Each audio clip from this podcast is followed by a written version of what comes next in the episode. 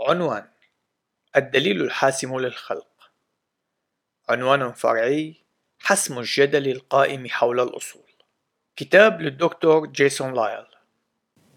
الفصل الثالث عنوان فرعي التطور الربوبي عاجز عن إنقاذ الموقف. البعض من التطوريين قد يجادلون بأنهم يستطيعون أن يقوموا بتبرير الانتظام بطريقة مشابهة لما يقوم به الخلقيون وذلك بالاستناد إلى الله الذي يدير الكون بطريقة شبه قانونية. فليس جميع التطوريين ملحدين إنما العديد منهم يؤمن بأن نوعا من الآلهة قد استخدم التطور ليقوم بتشكيل جميع أنواع الكائنات الحية وهذا ما ندعوه بالتطور الربوبي. لكن إضافة إله ما إلى التطور لن يقوم بتقديم حل للمعضلة.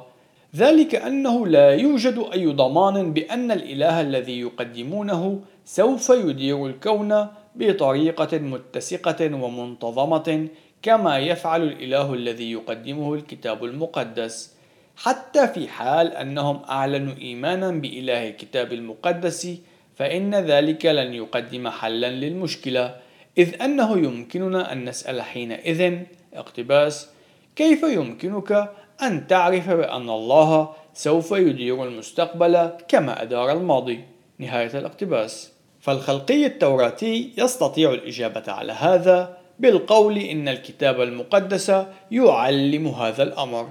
لكن التطوري لا يستطيع أن يقدم إجابة جيدة ذلك أنه لا يؤمن بالكتاب المقدس أو على الأقل لا يؤمن بكامل الكتاب المقدس كسفر التكوين مثلا.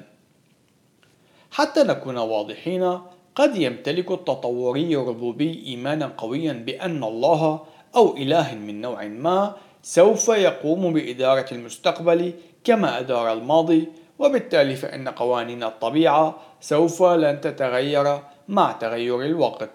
لكن تذكر أن الإيمان بشيء ما يجب أن يمتلك تفسيرات جيدة لكي يعتبر عقلانيا ولا يمكن أن يكون مجرد رأي تعسفي فالخلقي التوراتي يمتلك أسبابا جيدة لإيمانه إذ أن الله قد أعلن في كلمته بأنه سوف يدير الكون بطريقة متسقة لكن التطوري الربوبي يحتاج إلى إنكار الكتاب المقدس بوصفه معيارا أعلى ذلك كونه ينكر سفر التكوين. لذلك السبب فهو لا يستطيع أن يقوم بالاستناد إلى الكتاب المقدس على أساس أنه يقدم قاعدة لمعرفته عن الإله. في محاولة أخيرة قد يحاول الخلقي التطوري أن يقول اقتباس لكني أقبل معظم الكتاب المقدس. أنا ببساطة أرفض فقط القراءة الحرفية لسفر التكوين وبالتالي فأنا أؤمن بالانتظام وذلك اعتمادا على تعليم الكتاب المقدس. نهاية الاقتباس. لكن هذا رد فاشل لسببين. أولا إن الكتاب المقدس الذي يعلم عن الانتظام يعلم أيضا أن الله قد خلق الكون في ستة أيام. ثانيا إن أساسات الانتظام تترسخ في سفر التكوين مثل التكوين 822 وهي التي يرفضها التطوري. دون الكتاب المقدس سيفقد الأساس العقلاني للانتظام فالتطور الربوبي لا يمتلك سببا جيدا للإيمان بالانتظام وبالتالي فهو لا يمتلك الأساسات التي تبنى عليها العلوم. إن الانتظام لا يتطلب فقط وجود إله من نوع ما إنما يحتاج وجود الإله الذي يقدمه الكتاب المقدس والذي أعلن عن ذاته فوحده الإله الذي هو خارج حدود الزمن والمتسق والوفي وكلي القدرة وكلي الوجود والذي أعلن عن ذاته للجنس البشري هو وحده قادر على أن يؤمن وجود الانتظام في الزمان والمكان.